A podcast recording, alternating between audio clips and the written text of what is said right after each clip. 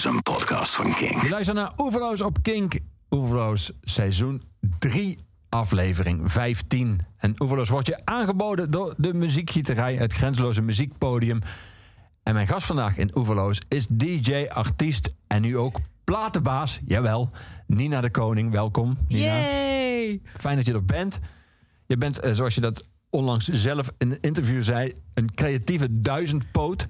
Je maakt techno onder de naam Disc Space samen met jouw vriend Adriaan. Eh, Je maakt ook muziek voor andere artiesten. Maar je hebt dus ook nu een eigen platenlabel, The Factory. En Ja. op dat label is nu eh, het, eerste compilatiealbum verschenen. Dat heb jij al. Dat wordt dadelijk uitgestuurd naar alle mensen die het gekocht hebben. Maar het verschijnt binnenkort ook op alle digitale streamingplatforms. Ehm, ja, heel veel mensen, voor heel veel artiesten is hun eerste plaat die ze zelf hebben gemaakt een droom. Maar ik kan me voorstellen dat voor iemand als jou een je eerste compilatiealbum ook wel een soort droom is die uitkomt. Ja, het was voor mij gewoon heel erg bizar hoe chill alles verlopen is, hoe lief alle artiesten zijn en het feit dat ik gewoon kan werken met mensen zoals Lego Welt en Kipski. Die, dat, dat, dat zijn voor mij gewoon helden. En dat zij gewoon meteen al zeiden: Oh, wat leuk idee. Ja, sowieso. Ik doe gelijk mee. Want ik heb hen echt een mail gestuurd. Super lang. Met allemaal complimenten. En hoe geweldig ik ze wel niet vond. Het enige wat ik terugkreeg was: Ja, leuk. Toen dacht ik, oké, chill. Dus eh, dat ging allemaal zo eh, fijn. En, en, en ja, dat, die hele sfeer, dat maakt al dat, ik, dat dit project al heel erg leuk is. Ja, En daarnaast is de muziek ook gewoon heel erg goed. ja. Neem me even mee helemaal naar het begin hiervan. Hoe, hoe is het idee om een compilatiealbum samen te stellen met mensen die jij zelf heel hoog hebt zitten, die jou hebben geïnspireerd? Hoe is dat, hoe is dat in eerste instantie begonnen? Ehm, nou, het begon eigenlijk allemaal bij een eh, feest wat ik organiseerde eh, voor Club Nix. Ehm, en dat was een, eh, een LHBT-vriendelijk feest. En daar gaven we daar zeg maar al het geld wat qua entree binnenkwam was voor het goede doel. En dat werd eigenlijk zo goed ontvangen. Daar waren mensen zo enthousiast. En ook gewoon zo enthousiast om ook weer ehm, elektronische muziek op een andere manier te beleven. Want je hebt in het nachtleven heel veel techno, house en zo. En dat is allemaal heel tof. Maar ik ben eigenlijk veel meer van de brede linie. Dus ik hou ook veel meer van bandjes die elektronische muziek maken. Bijvoorbeeld Klankstof, die hier ook op het compilatiealbum staat. Vind ik heel tof. Het is gewoon ehm, echt bij de Factory echt de bedoeling dat we elektronische muziek laten zien in al zijn charmes. Ja. Ehm, En zo was die avond ook. ja, en mensen waren daar gewoon heel erg blij om. Omdat ze zoiets hadden van... oh mijn god, dit is al zo lang niet meer gedaan. Ehm, en die hele blijdschap... ehm, ja, die brak een beetje toen twee maanden daarna eh, de pandemie uitbrak. Want dit was dus in, moet ik even terugrekenen, ongeveer januari eh, Ja, 2020. Ja, precies. En ehm, toen dat eenmaal zeg maar zo gebeurde... toen dacht ik van ja, het is zo zonde als we hier niet mee verder gaan. Ehm, Want je hebt dat maar één keer kunnen doen toen. Ja, ja, ja. en het ja. idee was om het hoe vaak dan te laten Eh, terugkomen? vier keer per jaar zouden we dat doen. En de eerste daarna kon al niet meer. Nee, precies. En op een gegeven moment toen, ehm, tijdens de pandemie, leerde ik Jaap kennen. En Jaap eh, is inmiddels een hele goede vriend van mij, maar hij is ook de eigenaar van Flatlife Records. En dat is een, eh, een label uit Eindhoven. En die doen allemaal acid techno muziek. En hij doet eigenlijk alleen vinyl-only presses. En hij zei tegen mij van, wil jij geen label? Dus ik zou... Ja, tuurlijk wil ik een label. Like, wat is dat voor een vraag? En toen zei hij, ja, dan doen we vinylpersen. En eh, ik zou van, oké, nou ja, ook, laat dat gewoon doen, weet je wel. Eh, en met die energie ben ik eigenlijk mensen gaan contacteren. Zo van, dit is het idee. ehm, en dit is de filo- filosofie erachter. En vanuit daar, ehm, ja, gewoon eigenlijk gewoon ran, at random mensen gaan contacteren. En wat ik net ook al zei, weet je wel, iemand als Lego wel te contacteren was voor mij echt een big deal. En ehm, eigenlijk was iedereen gewoon heel leuk, heel gezellig. En meteen van ja, laten we het doen. En we gaan meteen dingen maken. Ehm, en Meteen dingen maken. Dus de bedoeling was dat ze niet iets aan jou zouden geven wat ze al hadden liggen, maar dat ze Van mij, van mij was dat ook gewoon goed geweest. Maar iedereen was gewoon. Ik kreeg van. eh ik had Koen van Klankstof had ik een appje gestuurd van: Hey, wil je meedoen? En ik kreeg van hem eigenlijk al gelijk terug van: Ik dacht dat je nooit zou vragen. dus dat was echt heel erg tof. Ehm, en inmiddels eh, is dat dus uitgegroeid naar een eh, compilatie van met acht artiesten. Mhm. Waaronder ook een nummer van Disc Space van onszelf. Ehm, en dat het eigenlijk is het idee dat je zeg maar luistert naar één kant waar je gewoon naar kan luisteren thuis en de andere kant waar je op kan uitgaan. Ehm, omdat ik dacht, dan heb je toch nog een klein beetje die techno. Dat wilde ik er toch wel een beetje in, want dat zijn toch mijn roots. Ehm, maar ja, dat is eigenlijk wat het nu geworden is. Ik ben er gewoon heel erg trots op. Ja. Dan, Even twee dingen over wat je juist vertelde. Het eerste is dat die, die vriend van jou, Jaap, dat hij tegen jou zei: wil je geen label? Je reageerde een beetje alsof je daar eigenlijk nog nooit over nagedacht had of- om dat te willen. Of had je er juist heel vaak over ik nagedacht? dacht gewoon, dat is niet mogelijk. Ik dacht gewoon van, eh, dus, dat gaat mij niet lukken. Ik dacht echt van, kijk, dit maar is wat heel... jij dan dat er voor nodig was voor een label? eh, geld. om iets te noemen. En ik dacht, ik heb geen geld. Dus ik ben echt een typische muzikant die gewoon al haar geld uitgeeft aan muziek. Ehm, en niet echt, zeg maar, op de lange termijn dingen spaart of zo. Dus ik dacht van, dit gaat mij nooit lukken. Ja, Ehm, maar Jaap, die had gelukkig een hele grote inboedel al van wat hij allemaal had verkocht. Hij, heeft al, hij is daar echt al jaren mee bezig, dus hij heeft best wel een buffertje. En hij zei, nou, ik investeer gewoon in je project. Want ik denk dat wat jij wil en doet, dat dat zo uniek is... dat je daar echt iets langdurigs mee op kan bouwen. En dat is ook wel echt de bedoeling. Het is echt de bedoeling dat er elk jaar een compilatie uitkomt... En dat het elk jaar weer vooruitstrevend is. Dus dat elk jaar weer artiesten heeft waarvan je denkt: oh, maar die heb ik nog niet gehoord. Bijvoorbeeld uh, op deze compilatie hebben we dan een nieuw talent staan, zoals Bastian Benjamin mm -hmm. en Dark Days. En dat zijn twee acts die ik ken van de popronde. En die zijn gewoon zo goed dat ik dacht: van ja, waarom staat, weet je wel, waar misschien nog niet veel meer publiek voor. Um, en ik dacht van ja, als ik dat dan koppel aan zo'n Lego Welt of aan een klankstof of aan Kipski, dat zijn dan wat grotere namen, die kunnen dat dan een beetje omhoog trekken. En zodoende dat zij dan ook op de uh, compilatie staan. Ja. Je zei net toen je het over die avond in januari had, die dus bedoeling was en waarschijnlijk nu nog steeds is voor na de pandemie, uh, om dat vier keer per jaar te doen. Dat mensen het zo tof vonden, omdat ze zeiden, uh, dat is zo lang geleden dit. Maar dat heeft dus vroeger wel bestaan? Zo'n ja, soort avond? Ik ben altijd heel erg geïnspireerd geweest door de eerste clubavonden waar ik naartoe ging. En dat was uh, Rauw van Joost van Bellen. Mm -hmm. Voor mij is Joost van Bellen iemand die mij heel erg heeft geïnspireerd om, uh, ja, om dit zelf te gaan doen. Die um, nu heel druk bezig is met het schrijven van zijn roman. Zie ik het op zijn social media. Ja, klopt. Ja, hij is nu schrijver. Uh, ja. hij, hij, hij, had die andere had hij ook uit. Die heb ik ook gelezen, het ja. topboek. Dus ga ervan uit dat dit ook wel weer geweldig zal zijn. Maar ja, hij deed dus rouw en daarmee koppelde hij heel erg um, elektronische muziek aan bandjes en ja. live acts en zo. En dat wilde ik ook gewoon heel erg graag. Omdat ik gewoon, ik, als ik uitging, zag ik dat gewoon niet meer. En ik zag dat wel gebeuren in andere steden, maar gewoon niet meer in Amsterdam. En ik dacht van ja, wat, dat is toch best wel zonde eigenlijk. Um, omdat het gewoon het, het, is zo jammer om het uh, in compartimenten te zetten. Het is veel leuker om het allemaal elkaar te laten ontmoeten, omdat je daardoor een soort van kruisbestuiving aan creativiteit krijgt. En daar hou ik gewoon heel erg van. Ja. Hoe gekker, hoe beter eigenlijk. Ja. Je was uh, op zijn avond, tenminste alles wat we er over gelezen en gezien hebben, was ook performance acts en zo. Ja. Was een groot onderdeel. Dat zag er ook visueel allemaal heel tof uit. Is dat ook wat jij in gedachten hebt? Ja, had? wij hadden voor de clubnacht uh, in januari um, hadden we vorig twee, 2020. Twee ja, ja, het gaat snel nu. oh, het voelt echt zo lang geleden alweer. Maar um, daar hadden wij um, drag queens die kwamen optreden. En dat, wij zien het echt als een familietje. Dus de. Oeh, hallo. er komt iemand binnenlopen. maar we zien het echt als een familietje. Um, dus uh, alle performers die meedoen, um, waaronder bijvoorbeeld dus Massisi, die nu inmiddels al wat groter is als, uh, als drag. Uh, die gaf daar een performance uh, van, uh, van Grace Jones. Maar we hadden daar ook nog um, andere mensen rondlopen. Savanja liep daar bijvoorbeeld rond, die ook de cover van deze hoes van de compilatie heeft geschoten. En die was daar mensen aan het filmen. En dat kwam dan weer op allemaal van die vintage tv's. Dus het was allemaal heel. Uh, het was heel speels allemaal. En het was echt één geheel. Dus inderdaad, we hadden ook wel... Ik moet wel zeggen, ik had niet het budget van Joost van Bellen. Dus het had allemaal groot gekund. Maar daar waren we wel mee bezig. Ja, nou, Joost van Bellen is volgens mij ook ooit heel klein begonnen. Ja, precies. Je moet ergens beginnen. Ja, precies.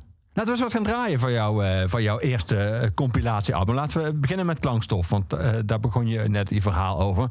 Die kregen dus voor jou een, een episch lange mail. Terwijl volgens mij is de regel dat je altijd zo heel kort zakelijk nee. ter zake moet komen. Toevallig had ik aan Koen, tegen Koen had ik gewoon gezegd van dit en dit wil ik. Maar Lego Welt heb ik echt, het, pff, het sloeg nergens op. Was gewoon, maar ik denk gewoon vijf bladzijden aan lofzang uh, geschreven. Maar ook echt zwaar verdiend. Ik hou van Danny, echt een topper. Maar laten we inderdaad eerst naar Klankstof gaan luisteren. Het is echt voor mij een van de allerbeste Nederlandse bands. En ik snap gewoon echt niet waarom die niet allang veel groter zijn. Het zijn echt zulke toppers. En, en de creativiteit die daaruit hen komt, het is uh, super inspirerend. Maar omdat jij niet wist, ze gingen speciaal voor jou iets maken. Weet je, ja. lijkt me ook al, dat, dat is weer de andere kant van platenbaas zijn. Je bent ook degene die beslist, dus je bent ook degene die over de kwaliteit waakt.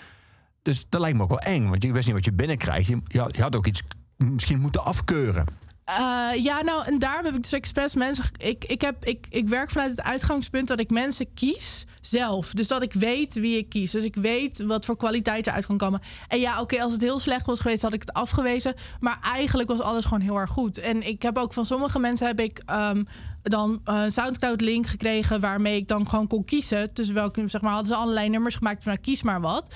En daardoor kon ik ook al een beetje kwaliteitscontrole houden. Maar ik weet wel heel goed wie ik kies om op de compilatie te zijn. Dus ik weet ook heel goed wat voor kwaliteit ik binnen. En zo, zo doe ik het een beetje. Ja, we gaan ze luisteren. Klankstof.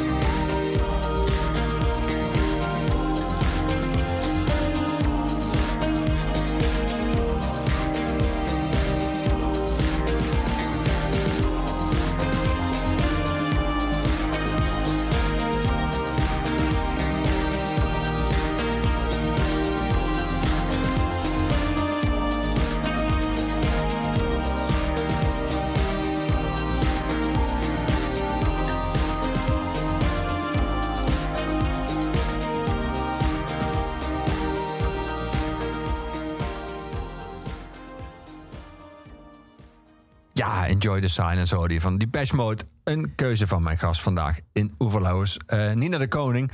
Nina, welke plaats neemt Depeche Mode in jouw leven, in jouw hart, jouw muzikale hart als eh, in? Ja, het is mijn favoriete band aller tijden. Ik vind het Oké, zo... dat is een vrij grote plaats dus. Ja, een Ja. hele grote plaats. Ik heb ze ook heel vaak live gezien. En ik vind het echt de manier waarop zij vooruitstrevend zijn gebleven. Ondanks het feit dat ze al best wel oud zijn.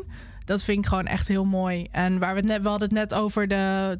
Terwijl de plaat aan het draaien was, hadden we het over de concerten. En op een gegeven moment hadden ze dus eh, een eh, transgender ehm, op het beeld bij een nummer Walking in My Shoes. En het feit dat ze zeg maar de, zo pro zijn, eh, de tijdsgeest en, en, en zo vooruitstrevend ook in het maatschappelijk debat. Dat, ik vind dat echt heel cool.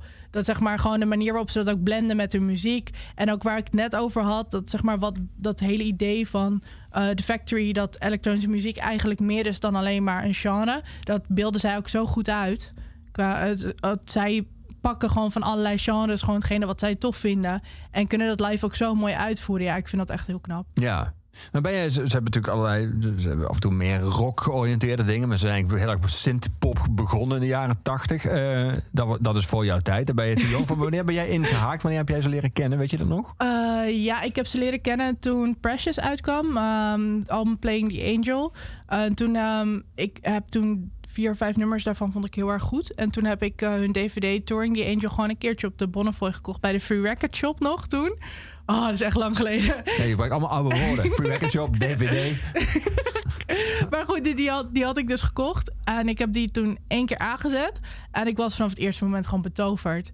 Zo goed. Ik kan iedereen die DVD aanraden. Of ja, ik weet niet hoe je het nu zou zeggen, maar ik gewoon... Stream hem. Ja, stream hem. Ik weet niet of die te streamen valt, maar stream hem.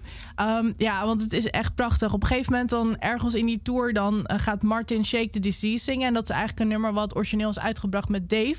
als de vocalist. Ehm, maar on, on tour zingt Martin dat. En het raakte me zo diep. Ik heb zo hard zitten huilen toen ik dat hoorde... dat ik echt dacht van... wow, ik, ik was toen vrij jong en toen dacht ik echt... ben ik echt aan het huilen bij zo'n oude vent die dit aan het zingen is? En ja, dat was ik aan het doen. En toen eh, ben ik eigenlijk veel meer van hen op gaan zoeken. En ik moet ook wel zeggen dat ik hun synthpop-periode misschien het minst interessant vind. Ik juist, zeg maar, die hele... Op een gegeven moment eh, met Violator wat ze doen, vind ik dat, dat en Dream On en zo, dat vind ik echt hele toffe platen. Maar dat begin, ja, het is leuk. Ik bedoel, het is leuk om dat op te zetten als je naar een feestje gaat of wat dan ook. Maar het is niet per se voor, voor wat voor mij de essentie is van Depeche Mode. Nee. Ik kan me voorstellen als je zo'n DVD natuurlijk ook altijd perfect is opgenomen. Met geweld, zeker in hun geval werken met Anton Corbijn qua camerawerk en Ja. zo.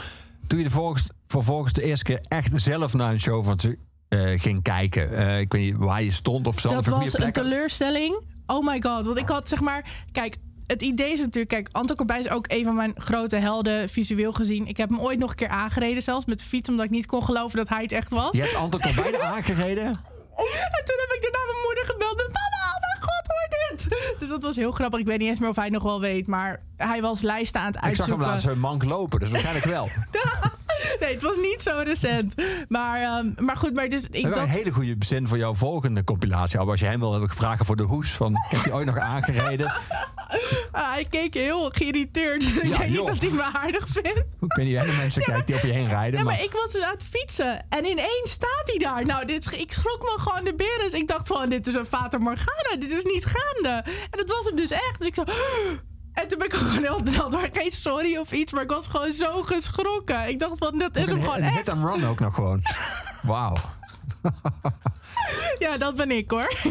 Maar goed, Anton Corbijn hadden we het over. Ja, we hadden goed. over dat je ze eerste keer echt live zag. Ja, dus toen eh, zag ik ze live in de Ahoy. En dat is ook de echte keer dat ik het het minst tof vond.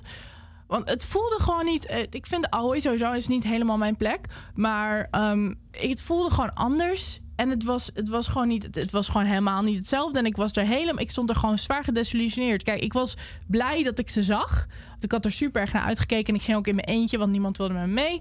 Ehm, maar eh, ik stond daar echt en ik dacht echt van... Oh, oké. Ik had gewoon veel te hoge verwachtingen. Ja. Maar ik moet wel zeggen, die hebben ze zwaar nageleefd toen eh, in de concerten in Ziggo Dome. Die waren echt zo goed. Ik, eh, ik dacht echt oprecht dat ik gewoon gestorven was en naar de hemel was gegaan daar. Ik heb ehm, ze toen ook nog gezien... Ik zou ze toen gaan zien met Pinkpop en toen was hij eh, ziek. Ehm, dat vond ik heel jammer, maar ik, ik heb ze ook nog ergens anders gezien. Ik kan, moet even nadenken waar het ook weer precies was. Maar dat was na Ahoy, dat was echt precies daarna. En dat, toen had ik ook al zoiets van, oké, Ahoy was gewoon een slechte show. Ja. Dus dat was een beetje jammer. Maar ik ben heel blij dat ik, eh, dat ik ze nog steeds mee mag dragen. En dat ik nog steeds naar hun muziek mag luisteren. En dat ze hopelijk nog een keertje komen. Ja. Toch interessant wat je net zei. Je zei toen je, toen je, de eerste keer, toen je merkte de eerste keer zo heftig die muziek binnenkwam... dat je eh, zelfs ontroerd raakte. Dat je zelfs tot je eigen verbazing moest huilen. Ja. Zei je van zo'n oude vent inmiddels toen. Zo zag je hem toen.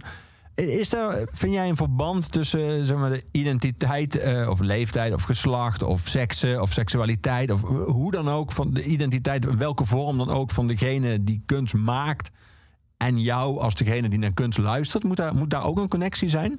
Nou, dat is een hele goede vraag. Want ehm, daar had ik, ik zat toevallig vandaag nog over na te denken dat ehm, als ik kijk naar de muziek die ik luister, ik voornamelijk alleen maar naar witte mannen luister. Ben ik achterkant wat best wel eh, dat ik echt van oké, shit, dat weet ik niet. Maar eh, dus ik denk niet dat het heel veel uitmaakt voor mij. Ik zou heel graag willen zeggen dat het wel zo is. Maar dat is gewoon niet zo. Ik, eh, ik hou echt van alles en nog wat. En ik moet zeggen, bij één artiest, en die, daar gaan we straks ook naar luisteren, maakt dat voor mij dan wel heel erg uit. En dat is George Michael. Maar dat komt ook door de backstory die achter die plaat zit en achter het album. Ehm, en dat heeft, eh, hij is ook een van de redenen geweest waarom ik. ehm, tegen homofobie en transfobie ben eh, gaan ageren. En waarom ik eh, daar best wel activist in ben geworden. Eh, dus in dat opzicht maakt dat dan wel weer voor mij uit. Maar dat is eigenlijk ook de, echt de enige artiest. Ja. Als ik het leuk vind, vind ik het leuk. En als nou, je zei, je vond het zo mooi toen je naar die Bash Mode ging, dat zij dat statement maakte over transgender rechten. Ja. Ehm, als een band dat helemaal niet doet, helemaal niet geëngageerd is, eh, is, is, werkt dat dan voor jou in hun nadeel of maakt dat eigenlijk niet zo? Nee, het gaat me gewoon echt om of de muziek me raakt. En, En als ze ehm, transfoob zouden zijn, als ze dat Ja, zouden... nee, dan ben ik wel klaar. Ik Ja? heb, ehm, oh ja, dit, dit is echt een goed verhaal trouwens. Mijn, eh, mijn zeg maar, naast de Mode hou ik heel erg van Taylor Swift. En die had de ruzie met Katy Perry. En dat vond ik heel erg. Toen heb ik geen Katy Perry meer geluisterd. Maar Want jij was, voor, jij was kamp Taylor. ja, sowieso, sowieso 100%. Maar dus dat soort, eh, dat soort zielige dingen, dat, dat, dat doe ik dan weer wel. Maar het is niet per se dat ik denk, oh, dit is een witte man, daar luister ik niet meer naar. Weet je wel? Het, maar als, inderdaad, als ze transfobe dingen zouden zeggen. Of ja, ik vind het heel lastig. Want ehm, ik heb zeg maar. ehm, dan gaan, nu gaan we echt een, heel, een soort van down the rabbit hole. Maar toen ik heel jong was, eh, had ik heel goed contact met eh, Ian Watkins van Lost Prophets. En die bleek uiteindelijk pedofiel. En dat heeft me destijds toen wel echt zo gemaakt dat ik dacht van wow. Gewoon iemand waar je zo, waar je en de muziek een hele close band mee hebt. Ik heb bijvoorbeeld al hun platen heb ik tweedehands op plaat eh, gekocht, zodat ik niet meer hoef te streamen. Dus zodat ik wel die band kan blijven houden, maar niet meer hoef te streamen. Maar iemand waar ik zo. Je bedoelt dat ze er geen geld meer aan verdienen? Ja, dat, ik wilde gewoon niet meer dat hij geld verdiende met wat er allemaal gebeurd was. Dus ik heb destijds ook wel echt heel duidelijk gezegd van... nou, daar wil ik ook niks mee te maken hebben. Ik wil niet meer met hem praten of wat dan ook. Want dat is allemaal nog, heeft nog een staartje gekregen, zeg maar. Ehm, maar dus ik ben daar wel mee bezig. Alleen het heeft me wel heel erg laten inzien van... ehm, dat zo'n situatie heel complex kan zijn. Ja. En- was dat wel een heel extreem voorbeeld. Hij was Ja. natuurlijk niet alleen pedofiel en pedoseksueel. Hij was ook echt, hij heeft echt kinderen, echt letterlijk baby's Ja, misbruikt. het is echt, eh, zeg maar, wij hebben echt dingen meegemaakt. Of wij, bedoel ik de fangroep eh, mee. Is dat eh, de bandleden aan het eind van, eh, zeg maar, aan het eind van de carrière van Ian. kwamen de bandleden naar buiten om te zeggen dat we niet op hem moesten wachten. Ja, dat soort dingen. Dan, zeg maar, zij hebben vast niet geweten tot welk extent het is gegaan. Maar zij waren wel fans aan het waarschuwen voor hem. ja. Ja, dat zegt denk ik wel genoeg. Maar Ja. dat is een extreem voorbeeld. Maar juist uit die extreme heb ik heel erg geleerd van... het is niet zo zwart-wit. En dat is het moeilijke daaraan. Is dat zeg maar, bijvoorbeeld met de artiest... als die iets heel stom zegt... ga je diegene gelijk cancelen? Of ga je dan denken van... oké, misschien heeft diegene iets heel stoms gezegd... uit zijn of haar referentiekader. Dus eh, zeg maar, ik vind het heel cool. Zoals bijvoorbeeld gebeurde een paar, paar jaar geleden met Broederliefde, die band. Eh, ja, het die hadden een paar domme antisemitische dingen gezegd. Die zijn toen gecanceld, zou je kunnen zeggen, voor de 5 mei eh, optredens waar ze stonden. Maar dan hebben ze excuses aangeboden. Ze hebben zelfs, eh, volgens mij zijn ze zelfs naar Auschwitz geweest. Ze hebben in ieder geval laten merken dat ze zich te weinig in het onderwerp verdiept hadden. Domme dingen hadden gedaan, dat ze ervan geleerd hadden. En daarna was het ook weer een soort van goed, zou je kunnen Ja, zeggen. en, en het, het is natuurlijk wel zo. Kijk, wat ik denk, als we het hebben over Depeche Mode, die dan zo'n ehm, filmpje laat zien. Ik vind het wel heel tof dat zij het al begrijpen. Maar ja, aan de andere kant, die zijn al heel oud. Je blijft, maar oud. zeggen, je blijft maar zeggen hoe oud ze zijn. Ja, maar ik bedoel meer als in, zij hebben al heel veel levenservaring. Dus Ja. natuurlijk eh, zullen zij dat ook al wat beter begrijpen, denk ik dan. Ehm, of ja, of ze hadden heel conservatief kunnen zijn, totaal niet. Maar goed, dus dat vind ik wel tof dat ze het al begrijpen. Maar ik ga niet een artiest er per se op afrekenen als diegene iets heel eh, dom zegt. Het kan soms echt, iemands referentiekader is soms gewoon heel anders dan het van jou. Dus je weet nooit waar iemand vandaan komt, wat diegene gezien heeft, wat diegene heeft meegemaakt, om soms te reageren zoals zij doen. Ja. En het wil niet zeggen dat ik alles goedkeur, want dat doe ik zeker niet. Maar ik probeer wel altijd na te denken van, hey, op welke schaal van heftigheid is dit? Ja. En eh, ga ik daarom iemand niet meer luisteren? Ja, nou, alleen dus Lost Profits op die manier, zeg maar. Ja, maar ook op, je zegt van ik, ik, ik, ik heb een platen tweedehands gekocht zodat ik ze wel nog kan draaien, maar als ik ze niet stream, zodat ze niks aan mij verdienen. Ehm, maar kennelijk, het, het, je kunt er nog steeds ook de muziek goed vinden. Even Ja. los van. De band gaat niet weg. Nee. Dat is het lastige eraan. Is dat, dat, heb- dat is echt wel iets wat ik in die situatie heel moeilijk vond. Was dat dit was allemaal gebeurd. En het voelde gewoon niet meer juist om er naar te luisteren, om, om zijn stem te horen. Maar die band die je hebt met de muziek en de herinneringen die je eraan hebt. Want ik heb als emo-meisje van 16 jaar heel veel naar hen geluisterd. Uh, die band gaat gewoon niet weg. Dus al die mooie herinneringen, moet ik die dan ook meteen weg gaan gooien? Ja, ik denk van niet. En dan maar op die manier proberen op te lossen. Ik wilde Ja. gewoon echt niet meer dat hij geld verdiende aan mij. Dus Nee. dan maar op die manier. Hoe ben jij, want je, bent ook actief geweest. Je zei het al, je bent actief in LHBTI-rechten en zo. eh, en transgenderrechten. Maar eh, je hebt... ehm, eh, ik kan me herinneren dat jij in de MeToo-tijd je ook hebt uitgesproken eh, als feministe. Eh, een discussie die natuurlijk daar heel vaak terugkomt, is je hebt zeg maar, of het, je hebt duidelijke daders. Je hebt mensen waarbij het, eh, het grijze gebied wat, wat groter is. En je hebt mensen eromheen. En altijd de vraag is: hoeveel wisten die? Waarom hebben die andere mensen niet ingegrepen? Ik kan me herinneren uit die tijd van Lost Prophets, die andere bandleden zonder de zanger zijn ook doorgaan met de zanger van Thursday. eh, Ja. die, die zijn nooit meer echt aan de bak gekomen. Er hing Nee. toch een soort smet omheen, terwijl ze zelf. Eh meen ik me te herinneren in interviews ook zeiden van wij wisten ook niet, we, we hadden wel een vermoeden, we hadden een soort, nou, dat Ze jij hadden ook niet eens meer echt contact met hem. Ik weet nog wel dat. Ik, ik kende echt alleen hem. Dus dat maakt het misschien nog wel bizarder voor mij. Is dat hij zei echt dingen zoals. Ja, eh, hij deed heel veel drugs. Echt heel veel. Het sloeg nergens meer op. En daar was hij ook heel open over. Maakte hem allemaal niet zoveel uit. Ehm, en had hij dus over dat hij dus nooit echt met zijn band was. En hij was altijd gewoon drugs aan het gebruiken. En als ze hem dan op het podium moesten hebben, dan kwam hij op het podium. En op aan het laatste, de paar laatste shows waren ook echt dat je dacht van die gasten, dit gaat echt niet goed. Ehm, maar ja, die eh, bandleden hadden, die hadden zeg maar, die waren zo ver al van hem removed dat ze dachten van ja, we, ik weet, we weten niet wat we ermee moeten. Ze hadden gewoon shows staan die ze moesten spelen. En dat was het eigenlijk een beetje. Ja. Het is wel zonde hoor. Want als je naar hun werk luistert van voordat al die shit begon. Het was, zat echt goed in elkaar. Het was ook gewoon echt goede muziek. Dus Ja. het is zo zonde dat. En ik, denk, ik blame het echt bij hem heel erg op de drugs. Dat hij, want hij is op een gegeven moment zoveel rare, gekke drugs gaan gebruiken. Hij echt oprecht, hij, hij was er gewoon bijna trots op dat hij dat allemaal deed. Ehm, en ik denk echt dat het daardoor kwam dat hij uiteindelijk zo eh, verpest is geraakt. Ja. Want het direct gewoon heel erg je normen en waardes op. En eh, dan ga je soms dingen doen.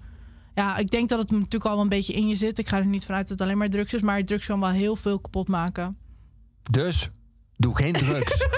ja, Anders dat, niet nou. zeg ik.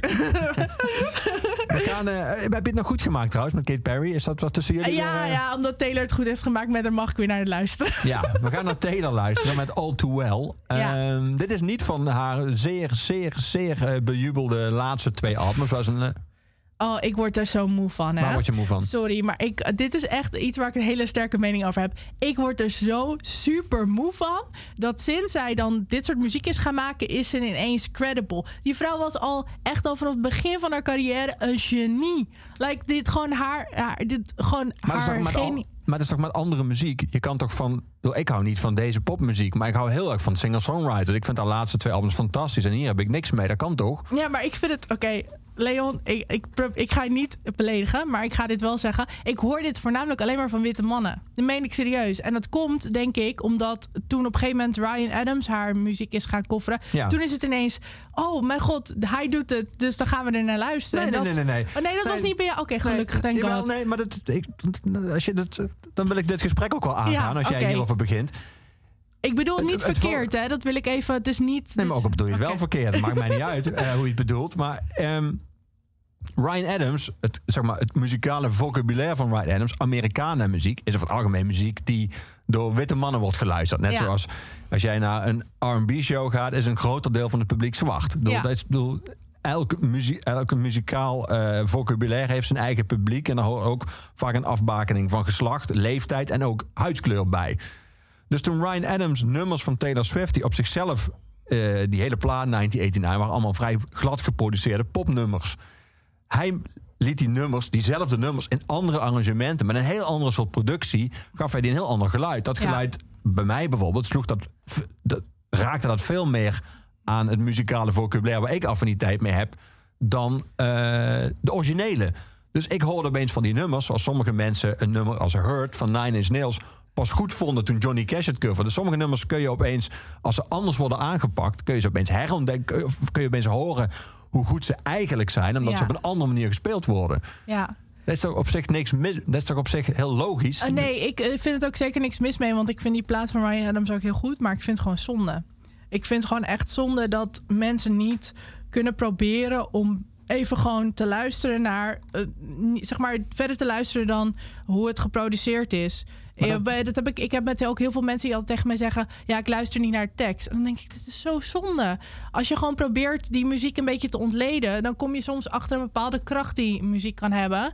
Um, apart van. Ik bedoel, want Taylor Swift doet bijvoorbeeld ook heel veel akoestisch. Dat deed ze ook al voordat. Dus het was wel mogelijk om ook op een andere manier naar haar te luisteren. Dus dat is gewoon, ik vind het, het is meer gewoon dat ik het zonde vind. Dat ik denk van, oh kom op nou jongens, waarom moest het eerst door een witte man worden gecoverd voordat mensen gingen inzien dat het echt super maar waarom, benader, waarom benadruk je zei dat hij, zo dat hij een witte man is? Dat vind ik zo fascinerend. Nou, omdat het een soort van, wat je net zegt, het is een bepaald soort slagmuziek.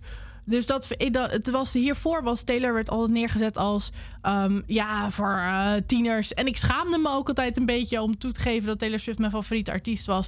Dus het is een soort van, het zijn allerlei stereotypes die ik gewoon, ik ben er niet per se op tegen. Ik bedoel, iedereen moet. Maar ze kloppen toch gewoon? Zij had ook hele jonge, vooral ja, meisjes. Ja, maar het is toch zonde dat, zeg maar, dat, dat mensen zich daardoor dan maar dachten van, nou, dan is het niks voor mij.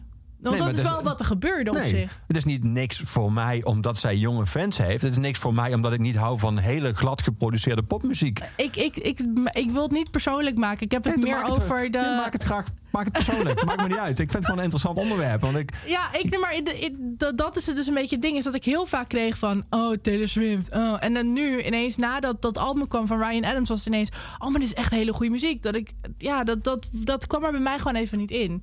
Dat ik dacht van ja, er is dus een reden waarom je dus nu wel naar luistert. En het is allemaal fair. Weet je wel, je moet doen en laten wat je zelf wil.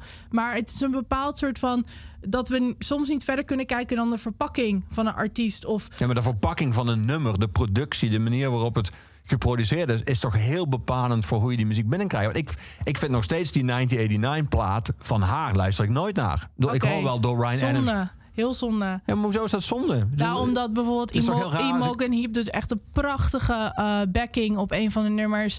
Um, de, uh, Jack Antonoff die het heeft geproduceerd is een briljant producer. Dus het is ja, zonde. ja, sommige dingen zijn toch ook gewoon niet je smaak. Je hebt toch ook dingen die niet jouw smaak maar zijn. Maar dat is dus ook het ding. Het gaat me dus niet om smaak. Ik bedoel, iedereen mag doen en laten wat hij wil, nogmaals. Maar het gaat me meer om het feit dat er bepaalde dingen zijn binnen de muziekindustrie of binnen mensen die naar bepaalde muziek luisteren. Dat we soms, en dat ik ben er ook schuldig aan, ik ben ook geen heilige. Maar dat je soms zeg maar dat de verpakking of dat uh, de productie, dat we daar niet verder naar kunnen luisteren. En dat vind ik gewoon jammer. Ik bedoel, ik zou het leuker gevonden hebben als mensen hadden gezegd van oké, okay, misschien heeft ze een jong publiek, maar damn, weet je, dat de tweede album is eigenlijk toch best wel, uh, best wel cool. En dat en het gebeurt, dat gebeurt gewoon nog te weinig naar mijn mening. Ja. Ik zou het leuk vinden als we niet die uh, credibility nodig hebben om van muziek te genieten. Ja, maar volgens mij heeft het niet zoveel met credibility te maken. Want dat vind ik juist wel interessant, dat credibility. Hoe oud ben jij? Ik ben nu 29. Ja, nou goed, je bent ook al dus niemand de jongste inmiddels, nee. maar onder... Uh, ik ben oud. Nou ja, vergeleken met mij niet in ieder geval. Vergeleken met die Mode bij je stok, stokjong. Maar onder uh, mensen zeggen, bijvoorbeeld tieners nou, is volgens mij credibility is helemaal geen item meer. Dat is, eh, credibility vind ik echt bijna iets van mijn generatie. Ja, dat, dat, dat, bedoel ik ook. Ja. Zeg maar, je ziet dus nu ook dat dat aan het veranderen is, thank god. Um, ik bedoel, vroeger had ik ook nog, hadden we ook nog zoiets als een guilty pleasure. Dat, ik, dat hoor ik bijna niemand meer zeggen. Gelukkig niet, nee. Nee, dus dat is goed. Maar het is meer gewoon dat ik dat gewoon toen heel jammer vond. En nog steeds wel zonde vind. Is dat ik gewoon het echt tof zou vinden als mensen ja, misschien wat dieper muziek gaan luisteren. Of gewoon niet um, zich laten afschrikken door een verpakking. Maar het is nu al niet meer gaande. Maar dat was destijds nog wel een ding. En dat vind ik gewoon jammer. Dat is het enige. Ik ben niet tegen... Wat vind je van, haar, wat vind je van die laatste twee albums dan? Want ja. dat is een heel andere. Dat je hebt het, je had net over die Pesh Mode. Je hebt natuurlijk ook heel veel verschillende muzikale afslagen genomen. Je zei van die jaren tachtig synthpop is niet helemaal jouw afdeling. Ik kan me, me kunnen voorstellen als jij bent aangeslagen of ingehaakt destijds op het meer poppier werk van Taylor Swift, dat die laatste twee albums dan misschien weer niet helemaal jouw smaak zijn. Ja, ik ben gewoon heel groot fan van The National. Dus okay. toen ik dat hoorde, was ik gewoon al meteen allemaal blij. Maar ik moet wel zeggen, ja, ik vind het wel jammer. Ja, ik vind 1989 bijvoorbeeld echt geweldig.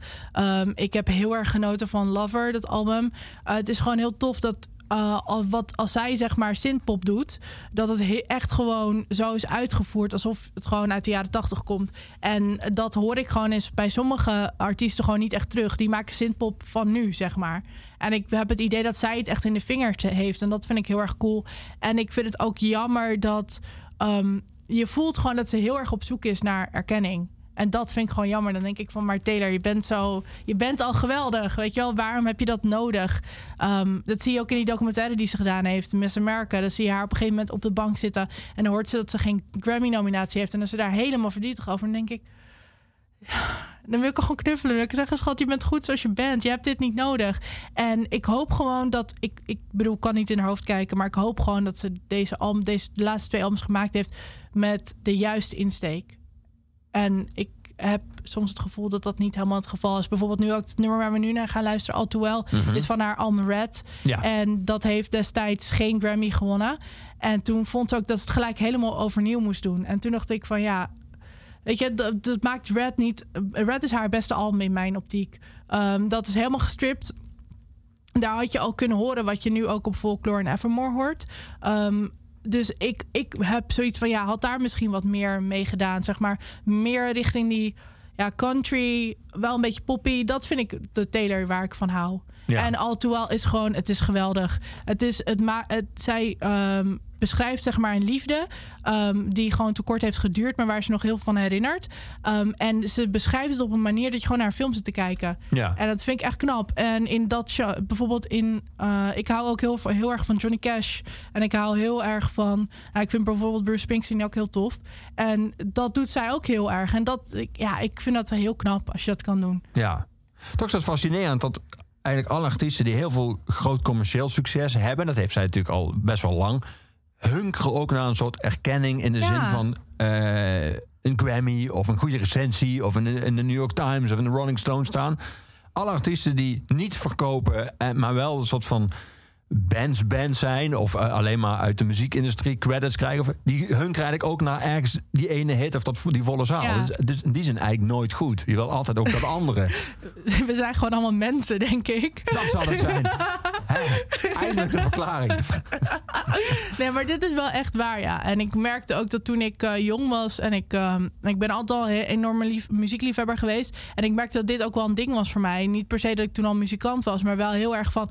oh, maar dan moet ik ook dingen leuk vinden die credible zijn. Want dat, wa- het was destijds gewoon echt nog een ding, weet je. Binnen de vriendengroep was het echt van...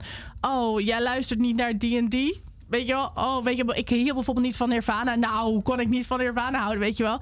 Eh, en dan ging ik andere bands opzoeken waar ik daar toch nog een beetje credible was. En dat is gewoon, ja, het is jammer. Maar aan de andere kant zijn allemaal mensen. En dat hoort er gewoon bij, denk ik. Ja, tot ook wel, denk ik, heel erg bij die leeftijd, toch? Dat je een soort identiteit zoekt. Ja, eh, ja, denk ik. ja. Zeker. Zullen we naar Taylor Swift gaan luisteren? Ja, laten we dat gaan doen.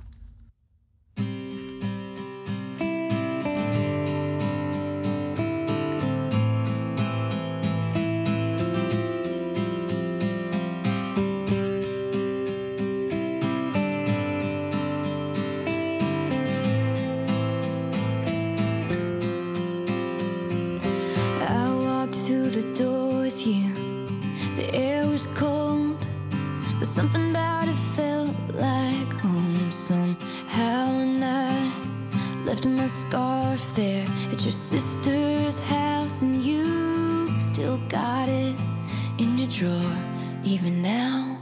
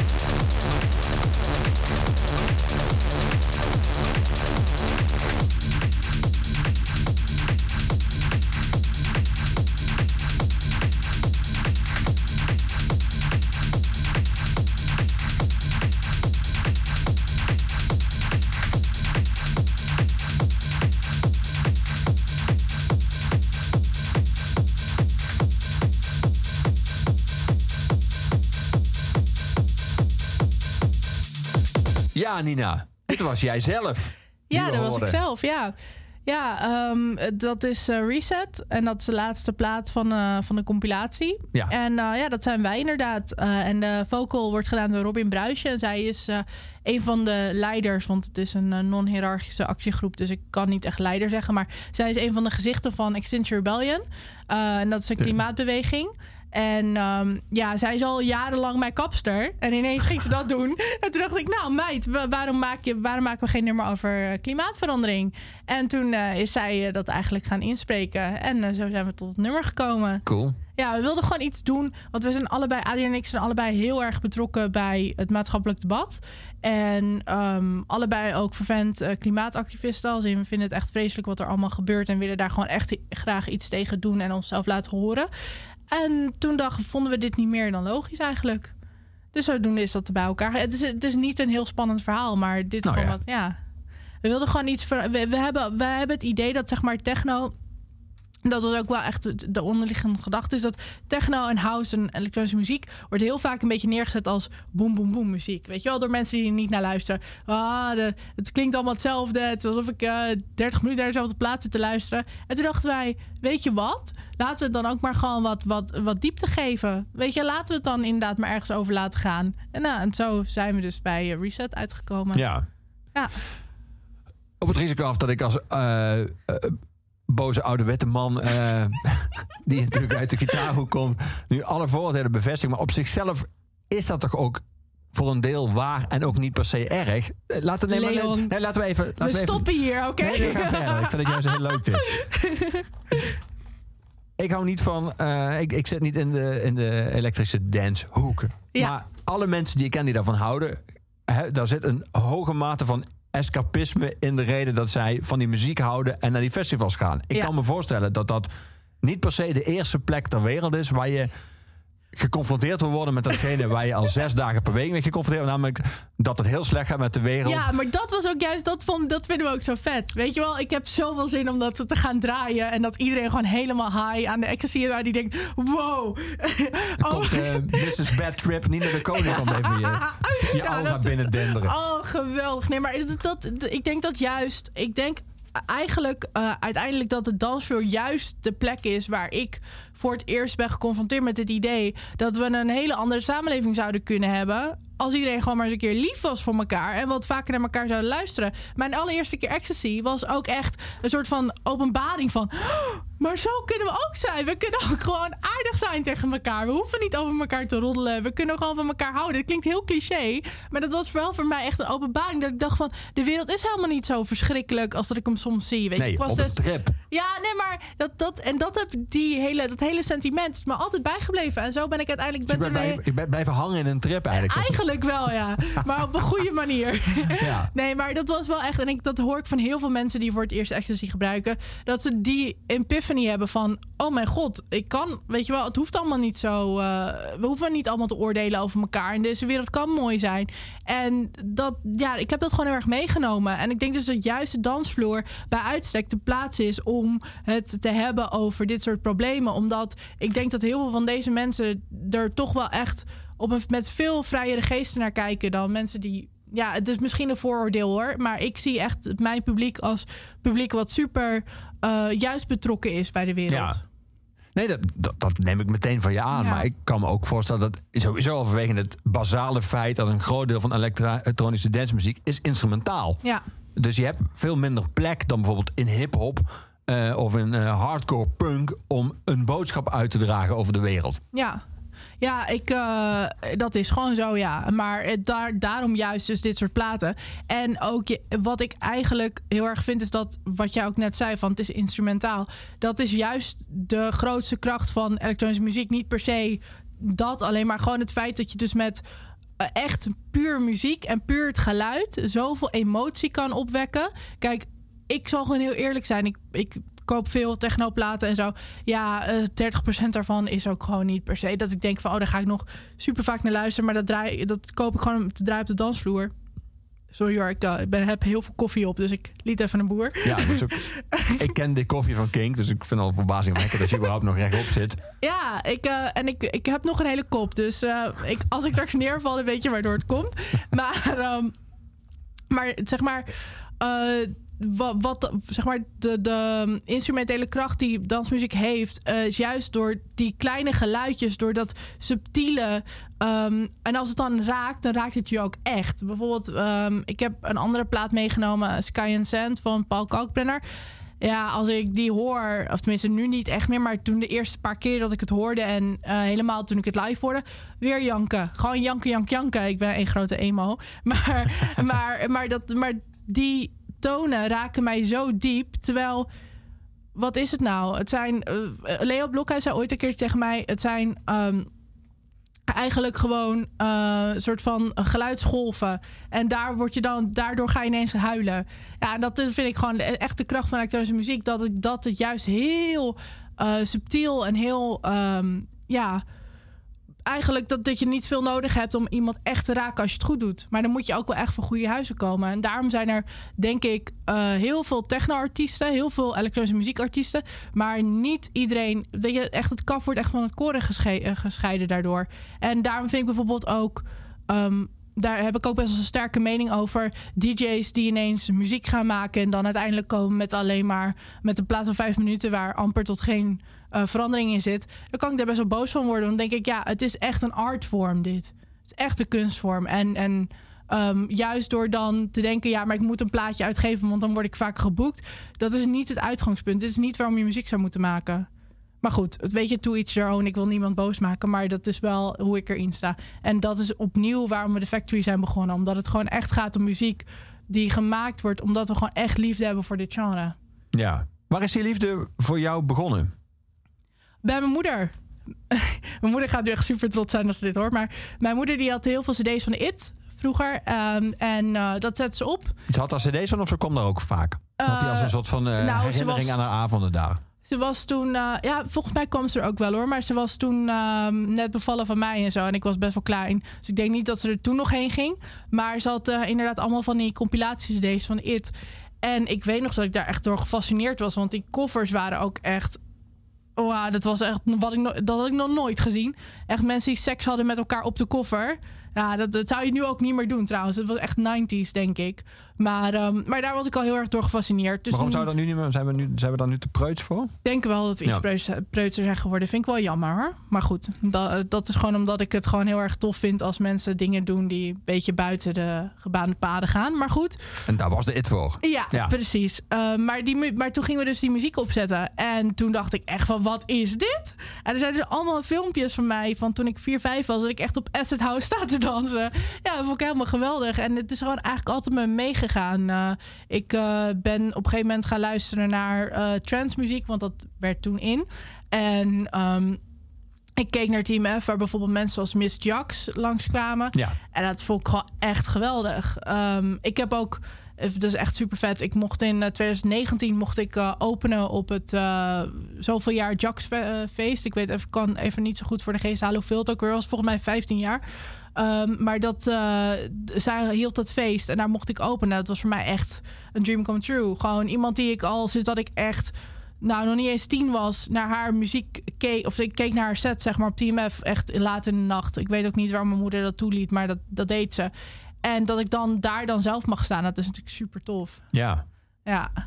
Heb je een, moet ik me voorstellen dat die, uh, je vertelde net uh, dat je ook een tijd hebt gehad dat je heel erg van emo-core hield. Niet dat je Lost Profit zo tof vond. Ja, nog steeds hoor. Ja. Mijn uh, tattoo, ik heb allemaal tattoos van een tatoeëerder genaamd Ivy. En zij maakt ook echt emo-tatoeages. Dus dat heb ik ook expres gedaan, omdat ik het gewoon, het, ik ben nog steeds die persoon. Die zit ook nog echt heel diep in mij.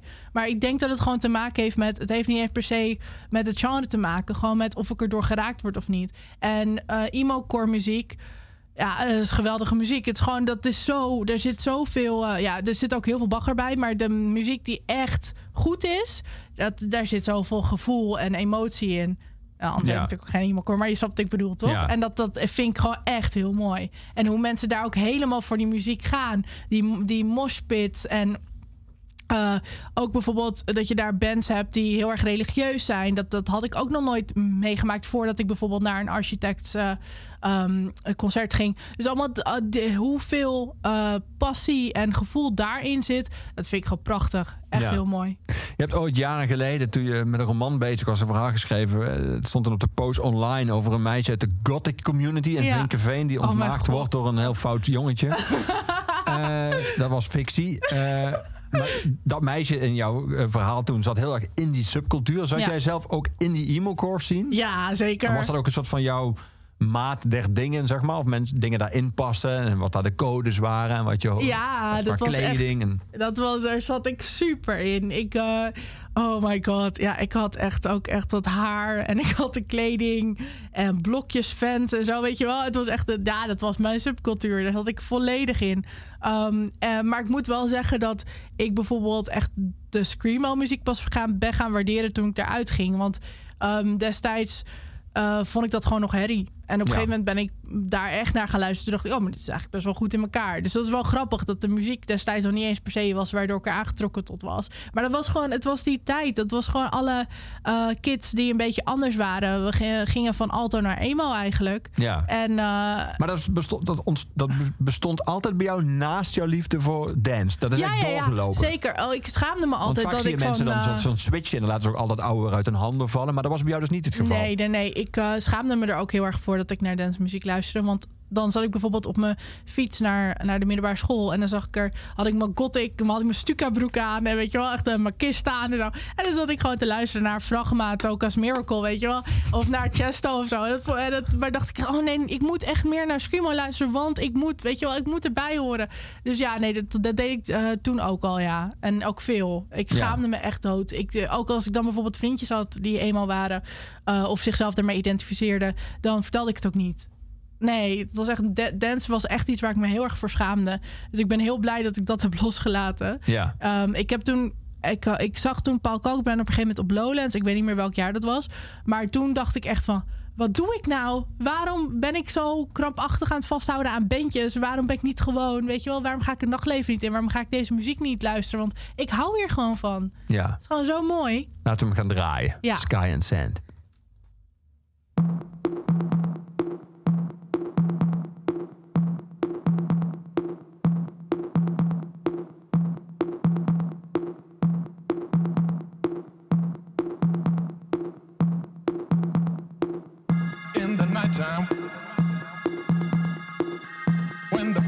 Its rest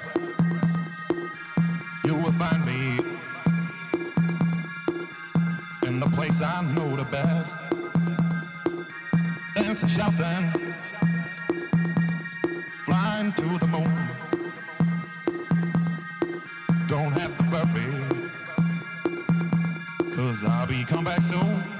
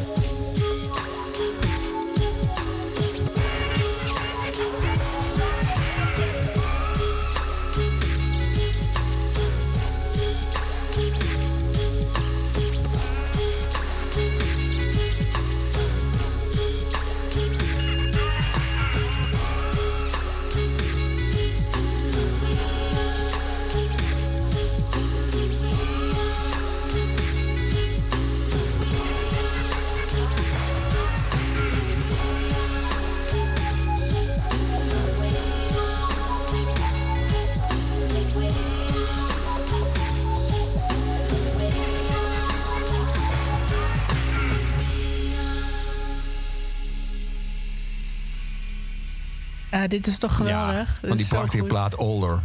Als je nu luistert, je hebt deze plaat nog denk, Oh, die heb ik nog op vinyl. En die draai ik nooit meer. En die is in perfecte conditie. Dan stuur even een mailtje naar Nina. Want Nina zoekt deze plaat. Vertelde ze net. Dit is, deze staat echt op nummer 1 met stip. Want deze is zo lastig te vinden voor een oké prijs. Ik bedoel, nu ben ik het wel echt aan het weggeven. Dus degene die hem dan nog heeft, en die kan hem ook gewoon op Discog zetten en er weet ik veel miljonair mee worden. Maar als je hem aan, ik geef je eeuwige dankbaarheid. Echt, want het is gewoon, dit is voor mij ook zo'n plaat waar, die mijn moeder heel veel luisterde toen ik jong was. En eh, die met de hele backstory erachter. ehm, hij is gemaakt voor de lover van eh, George Michael, die overleden is aan AIDS. Ja. En voor, voor die hele backstory erachter is voor mij ook heel bijzonder, omdat ik eh, mijn scriptie, mijn bachelor scriptie, heb ik geschreven over Larry Kramer. En dat was de allergrootste AIDS-activist in Amerika. Ehm, en voor mij, ik weet niet waarom, want ik heb niemand die aan overleden is. Maar for some reason, omdat ik natuurlijk, ik denk ook omdat ik zo diep in de LHBT-community zit. Maar die ziekte fascineert me gewoon heel erg. Omdat het gewoon zoveel mooie levens heeft weggenomen. Zoveel mensen die in de bloei van hun leven stonden, die gewoon dood zijn gegaan aan, aan zo'n. Aan gewoon, ja, ik zeg altijd dat het gewoon een ziekte is die mensen vermoordt die lief hebben. Want dat is wat er eigenlijk is gebeurd. Omdat deze mensen lief hadden, toevallig met de verkeerde, eh, hebben zij die ziekte gekregen en zijn, zijn ze dood gegaan. Ja, dat idee. En ook hoeveel creatieve mensen erdoor zijn overleden. Ik bedoel, moet je bedenken wat Freddie Mercury nog had kunnen maken als hij nog had geleefd. Of eh, een Keith Haring, weet je wel. Dat ja, ik vind dat gewoon eh, allemaal heel jammer. Ja, Ja. Het is natuurlijk een ziekte ook met heel veel eh, maatschappelijke consequenties toen. Want ik denk dat homofobie een enorme boost heeft gekregen. Ja. Destijds door het idee bij sommige mensen dat. Ja, dat was ook, vond ik zo interessant. Want eh, Larry Kramer, dus waar ik mijn scriptie over heb geschreven, die heeft, eh, voordat de AIDS-crisis kwam, heeft hij een boek geschreven genaamd Faggots. En dat gaat heel erg over ehm, die seksuele revolutie die ze hebben doorgemaakt en hoe dat eigenlijk liefdeloos maakte in die tijd. En daar heeft hij toen heel veel kritiek over gekregen. Omdat, hoe durf je dat te zeggen? We hebben eindelijk onze revolutie en dan doe je zoiets. En eh, toen kwam dus AIDS. En toen werd heel erg gezegd van, oh, nu hebben we AIDS, nu krijgt, wordt Larry Kramer zijn punt bevestigd, weet je wel? Dus, eh, en hij is daar toen heel erg eh, voor gaan strijden om die ziekte opgelost te krijgen. Ehm, hij heeft toen ook ACT UP opgezet. Dat is natuurlijk de, een van de allergrootste actiegroepen uit die tijd. Ehm, en hij had gewoon echt zoiets van: wat is dit? Weet je wel, waarom eh, worden wij alleen getroffen en waarom doet de overheid helemaal niks? En ik weet dat het in Nederland wel een beetje anders was. Ik heb me echt puur en alleen verdiept in Amerika. Maar het idee dat zeg maar mensen dachten: it's a gay disease. Oh, boeien. Want dat was echt het begin. Dat mensen echt dachten van ja, maar alleen homoseksuelen gaan naar een dood. Dus. En dat is gewoon, dat kan ik gewoon niet bij met mijn hoofd. Want we zijn allemaal mensen. En ik kan gewoon niet begrijpen waarom. ehm, omdat je dus. Maar grappig dat je het zegt, want dit is voor jouw tijd. Maar je hebt met als de coronacrisis meegemaakt. Dat was Ja. een vergelijkbare. Dat was het idee. Ja. Alleen dikke oude mensen gaan daaraan dood. Eh, en als je, als je gewoon tussen aanhalingstekens gezond en jong bent, heb je geen enkel probleem. Ja, Dat is kennelijk toch een soort van hardnekkig menselijke gewoonte om een ziekte te reduceren tot een doelgroep die je vooral die jij zelf niet bent. ja, dat is echt zo. Ja, ik was mijn scriptie aan het schrijven op het moment dat de pandemie uitbrak. Ehm, dus dat was helemaal interessant. En ook, Ja, dat snap eh, ik. Ja, en ook gewoon omdat er zoveel mensen kritiek hadden op hoe, hoe er werd gehandeld. Terwijl ik dacht, ik ben blij dat er, zo, dat er meteen zo wordt gehandeld en meteen super eh, heftig eh, erin gaan. Omdat ik het nu aan het schrijven ben over een crisis die helemaal niet goed is aangepakt. Dus ik snapte niet zo goed waarom mensen. Oh, en eh, we moeten onze vrijheid indammen. Het lijkt wel de Tweede Wereldoorlog. Dacht ik, wees blij. Want het had misschien nog veel erger kunnen aflopen als we het niet zo hadden gedaan. En daar is de AIDS-crisis gewoon een goed voorbeeld van. Hoeveel onschuldige mensen het heeft gedood. En dat had dat, mogelijk, we weten het niet, maar dat had mogelijk ook kunnen gebeuren met corona. En dat is dus nu in ieder geval op een kleinere schaal gebeurd dan dat het misschien had kunnen gebeuren, omdat mensen meteen gereageerd hebben. Ja. Het fascinerende is dat eh, dat speelt natuurlijk een hele ideologische ondertoon vanuit eh, christelijke en rechtsreactionaire hoek destijds een rol in die AIDS-discussie. Namelijk, waren natuurlijk mensen die vonden sowieso dat homoseksualiteit een soort zonde was en dit was dan de straf. Ja. Maar je had ook het idee van als je gewoon eh, maar ve- veilig seks hebt, dan is er niks aan de hand. En dat, dat, dat element, dat, die, die, dat sentiment resoneert nog steeds door. Als er nu bijvoorbeeld over PrEP of voor andere, de AIDS-cocktail, eh, verzoek, vergoeding door het ziekenfonds, wordt nog steeds dat naar boven gehaald. Van als je Ja. maar gewoon condooms gebruikt, dan, dan hoef je nergens Ja, bang voor te zijn. Dus maar- waarom moeten wij daarvoor betalen? Eh, ja, wow, oké. dat vind ik. eh, dat, hier had ik even niet op geanticipeerd op deze opmerking. Maar, Ja, ik vind eh, dat niet, maar dat is een, Nee, maar dat is een het- opmerking die nog maar- steeds... Dat werkt nog steeds door in die discussie, merk nee, je. maar ik vind het ook een interessante opmerking, omdat ik misschien ook zelf wel een beetje zo voel. Is dat ik heel veel van mijn vrienden die bijvoorbeeld PrEP gebruiken, ben ik echt aan het zeggen. Alsjeblieft, wees voorzichtig. Want met het AIDS-virus er is nog steeds geen medicijn voor. We hebben wel ja, voorboedsmiddelen, we hebben remmers en zo. Maar ook die remmers zijn geen pretje. Heel veel mensen die dat hebben, die eh, krijgen op een gegeven moment beven met de handen. En weet ik veel. Die worden hun kwaliteit van leven wordt gewoon heel anders. Ehm, dus het is het, zeg maar, het idee dat we nu dan met aids kunnen leven, dus wat onvoorzichtiger kunnen zijn, moeten we echt van afstappen. Want we moeten altijd voorzichtig blijven. Omdat op het moment dat dat virus resistent wordt, en ik hoop niet dat het gebeurt, maar het eh, zou mogelijk kunnen. Op het moment dat het virus resistent wordt eh, tegen de remmers en, en de prep en, en alles, dan zijn we gewoon weer terug bij af. Ja. En- Is, dat, is dat wat er gebeurt als... Dat zie je nou, ik kon niet de hele tijd de vergelijking trekken tussen AIDS en eh, corona. Terwijl er natuurlijk wel een paar vergelijkingen te trekken Ja. zijn. Op de een of andere manier lijkt het idee dat als iets geen dodelijke ziekte meer is, maar een soort van te handelen is met welke medicijnen dan ook. En dat je er alleen nog maar heel ziek van kan worden, lijkt, dan lijkt het soort van vrij brief voor sommige mensen van nou, dan is er dus eigenlijk niks meer aan de hand. Ja, dat is, gewoon, dat is ook zo. En ik denk dat heel veel jonge mensen nu ook, heel veel eh, jonge LHBT'ers, weten ook helemaal niet hoe het eruit ziet. Die, eh, die, die, AIDS bedoel als je ja, AIDS hebt. ja, sorry, ja, AIDS, Ja. ja. Eh, die, die kennen die beelden niet van René Kluin bij Paul de Leeuw. Ja, die ken ik dan toevallig omdat ik er natuurlijk zelf naar heb gezocht. Maar de- eh, anders had ik het ook niet geweten. Dus het is ook helemaal niet raar dat, dat ze zo reageren als dat ze doen. Ehm, maar dat is wel eh, wat er gaande is. En ik denk dat we er echt voorzichtig mee moeten zijn. Want als je nu ook kijkt in Rusland, hoe er om wordt gegaan met, met AIDS-patiënten, hoe eh, er wordt behandeld in Afrika. En we hebben globalisering. Dus het is gewoon meer, ik zou niet mensen bang willen maken, maar meer blijf alsjeblieft voorzichtig. Want het is, deze ziekte is zo levensverwoestend. Niet, a- niet alleen maar zeg maar eh, voor de mensen om je heen, maar ook gewoon voor jezelf. Dat ziektebed, dat gun je niemand. Nee. Um, en het is ook zo dat. Je ziet gewoon nu ook bijvoorbeeld, oh, juist door de, dat vind ik ook nog belangrijk om te zeggen, eh, is dat juist door de lockdown, in, bijvoorbeeld in Afrika, eh, zijn er veel meer mensen overleden aan deze ziekte, aan AIDS. Omdat ze gewoon of niet de deur uit durfden te gaan, of de deur niet uit konden. En daardoor dus hun remmers niet op konden halen. Eh, dat soort dingen, dat, dat gebeurt ook. En omdat, zeg maar, het is misschien een ver van je bedshow. Maar ik vind dat eh, vreselijk. Ik vind dat echt Ja. heel erg. En eh, wat, jou, wat je ook net aanstipte, oh, ik kan hier echt uren over blijven praten. Maar wat je ook net aanstipte over homofobie. ehm, dat is natuurlijk ook een beetje een, een, eh, voor mij echt wel een groot struikelblok. Is dat ik gewoon niet kan begrijpen waarom mensen homofoob zijn of transfoob. Of, en ik snap ook niet waarom mensen bijvoorbeeld. ehm, ja, gewoon die blinde haat tegen mensen die anders zijn dan jou. Ik kan het gewoon niet. Ik, kan, ik snap het niet. Ik, kan, kan- eh, ik heb het heel lang geprobeerd te duiden, maar elke keer als ik het probeer, dan snap ik het nog steeds niet. Maar wat we moeten meenemen is dus eigenlijk van jou... Ja. gebruik geen drugs en vrij veilig. Dat zijn de lessen van Nina. Oh, uit nou ja, deze maar, het, maar het probleem is dus wel dat ik dat dus zelf niet doe. Dus We gaan muziek draaien. We gaan naar een, eh, ik denk ook een jeugdliefde voor jou. Avril? ja, Avril. Ja, ik, eh, ik was deze lijst voor jou aan het maken. En toen dacht ik, ja, ik voel me gewoon heel slecht als ik haar er niet tussen zet. Dat is een soort loyaliteit kwestie dus. dus Ja. Dat betekent, neem ik aan, als ik het probeer te duiden... dat is waarschijnlijk een bepaalde fase van jouw leven... Zij van heel was- belangrijk is geweest. In mijn tienertijd was zij mijn grote voorbeeld. Ik moest zoals haar zijn. Ik had zelf de broeken. Ik luisterde Let Go echt helemaal kapot. Ik kan die muziek nog steeds niet luisteren zonder zwaar vrolijk te worden. Omdat ik gewoon telkens aan mijn tienertijd denk. Eh, en ze is gewoon echt heel goed. Ook zo'n. Dit is precies weer zo'n artiest waar we het ook net met Taylor over hadden. Eh, zo'n artiest waarvan mensen dachten: ah, eh, popmuziek. Terwijl zij als ehm, tekstschrijfster, en dat hoor je met I'm With You helemaal, is ze gewoon fenomenaal. Ze is echt heel goed. Ja. En mensen hebben haar echt wel in mijn ogen eh, een slechte kaart eh, toegespeeld. Door gewoon.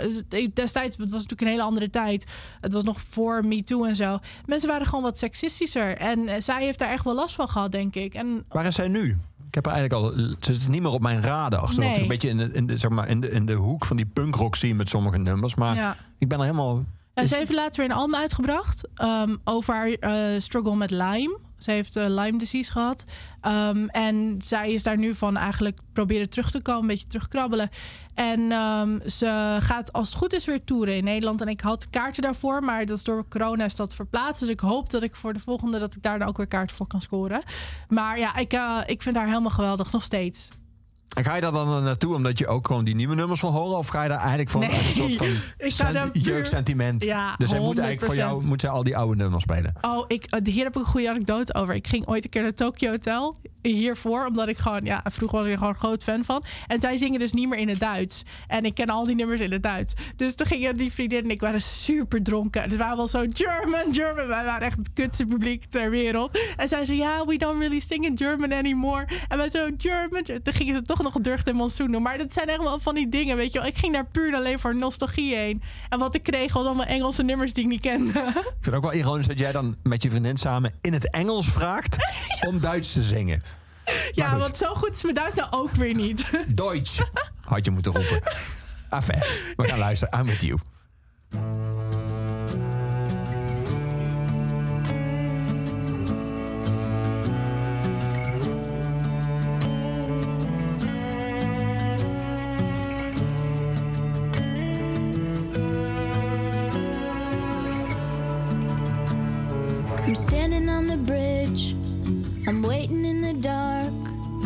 Thought that you'd be here by now. There's nothing but the rain, no footsteps on the ground. I'm listening, but there's no sound.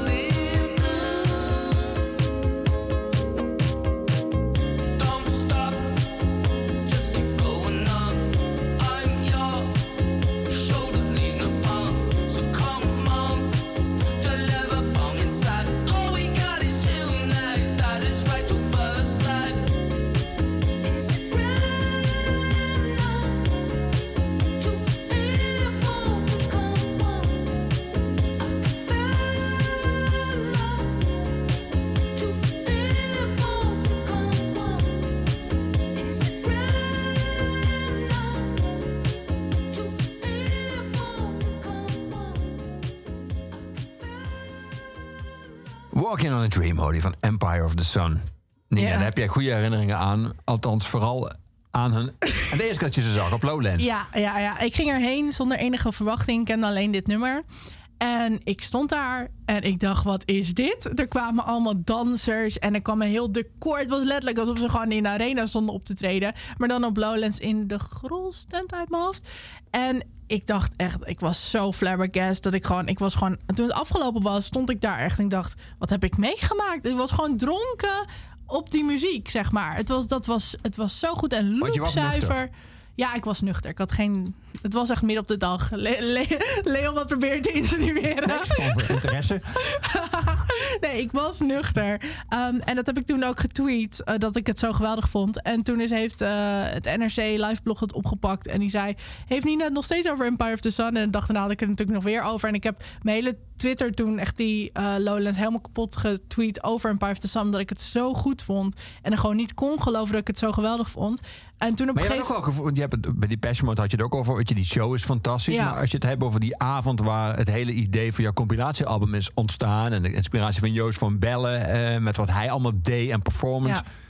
Dat visuele aspect, los van al jouw muzikale liefde, is voor jou volgens mij ook wel belangrijk, toch? Dat er wat gebeurt, dat je ook wat ziet. Dat het ook... Eh, Ja, nou meer gewoon dat je daar ook over nagedacht hebt als kunstenaar. Dat het, het- ik vind het, eh, weet je, het is heel tof als je eh, puur en alleen muziek doet. Dat vind ik ook leuk. Maar ik vind het wel, ik vind het persoonlijk toffer als mensen ook nadenken over hoe wil ik die muziek naar de mensen toe brengen.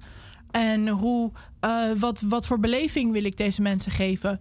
Ehm, en ik denk ook dat je, je kan gewoon zoveel. Dus het is, dan vind ik het zonde als je het alleen bij de muziek houdt. Maar dat kan een artistieke keuze zijn. Dat kan iedereen. Maar ik vind dat dan niet interessant. Ja. Hoe doe jij dat zelf? Als jij nou nu jezelf kijkt, als jij ergens eh optreedt, draait, eh, vergeleken met toen je begon, is dat heel erg veranderd, los van jouw eigen techniek?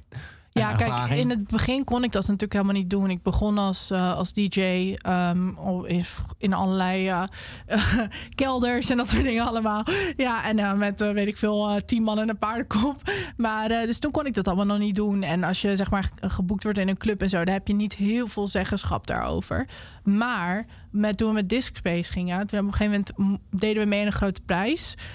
En waarom we dat toen al deden, want we hadden nog niet eens ooit een live show gespeeld. Dat was onze allereerste live show ooit. En we dachten, debuut optreden was op de Grote Prijs van Elf. ja, want wij dachten nooit dat we verder zouden komen dan de eerste nominatieronde. Dus wij waren echt zo van, huh? Oké, nou ja, blijkbaar vinden mensen ons leuk. Dus nou, toen stonden we daar ineens. Maar toen hadden ze ook echt een scherm met... ehm, toen hadden wij een soort van als concept bedacht van... Dat, dat destijds gingen heel veel clubs gingen dicht. Eh, Fabric in, eh, in Londen werd gesloten. En toen dachten we, weet je wat? We willen eigenlijk wel eens een keertje nagaan... hoeveel clubs er al gesloten zijn eh, door overheidstoedoen. En toen hadden we dat als concept bedacht van... oké, we willen een statement neerzetten. En dan toen hebben we eigenlijk daar echt... eh, ja, op een scherm allerlei dingen over geprojecteerd. Terwijl we onze vijf minuten set aan het doen. Vijf minuten moesten. Al onze muziek in vijf minuten. Ik, ik, ik keek deze mensen echt zo aan van. Hoe dan? Like, hoe wil je dit voor elkaar? Maar we hebben dat toen wel gedaan. En Zeg ze wel goed op gereageerd. bemoedigen, als ik even optimistisch mag zijn, bemoedigend dat alle clubs die de overheid ge- gesloten zijn, passen in ieder geval in vijf minuten. Dan Nee, het was, wel, het was een lijst, zeg Oh, maar. Dus daar kwamen de lijsten voorbij.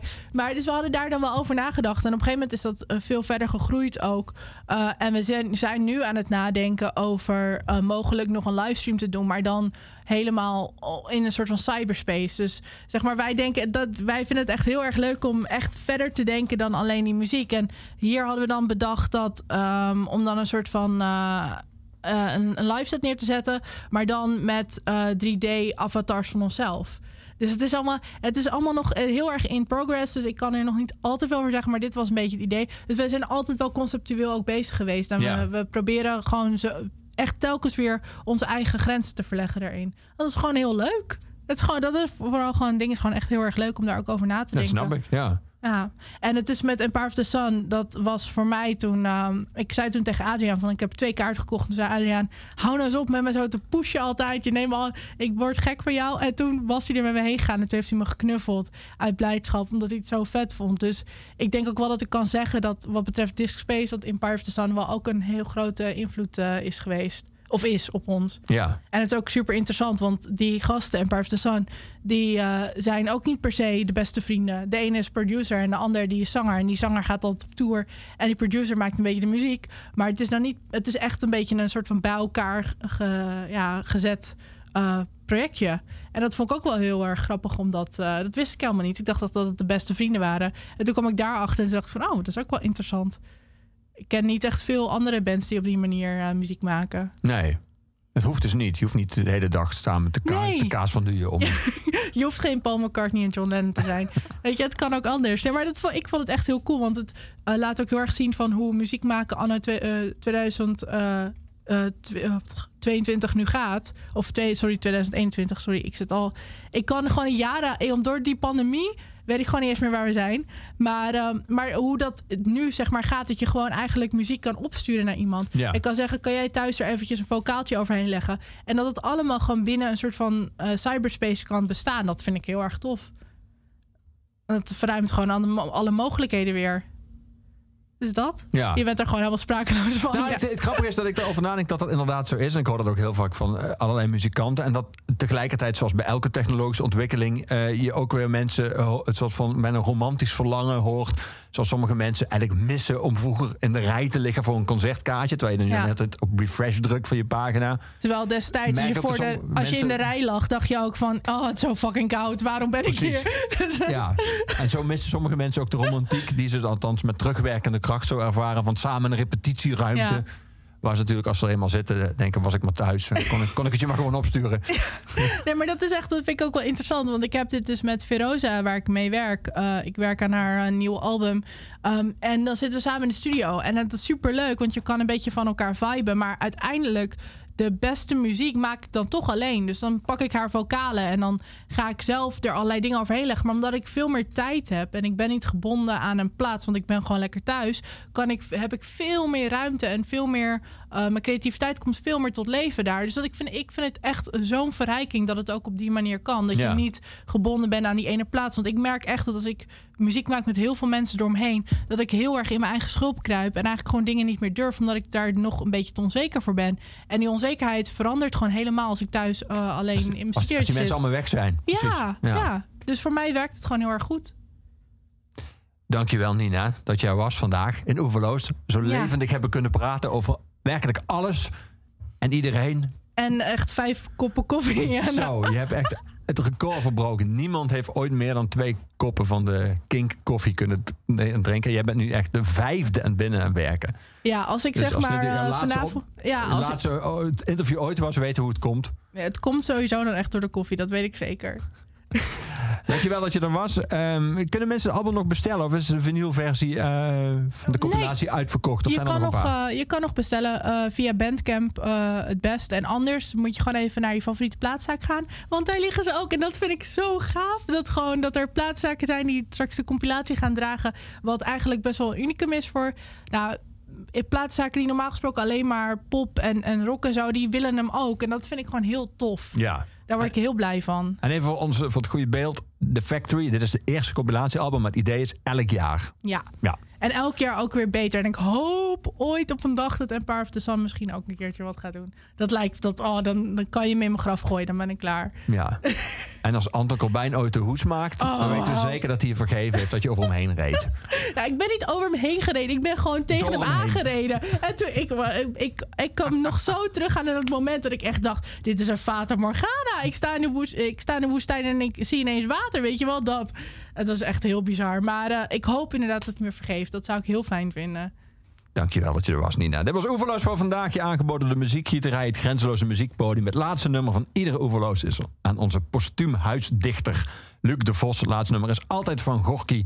Ik vind deze wel mooi passen bij waar we het over gehad hebben. Over festivals, over het verlangen naar weer live shows. Eh, de zomer van de liefde van Gorky als afsluit van deze Oeverloos. Ik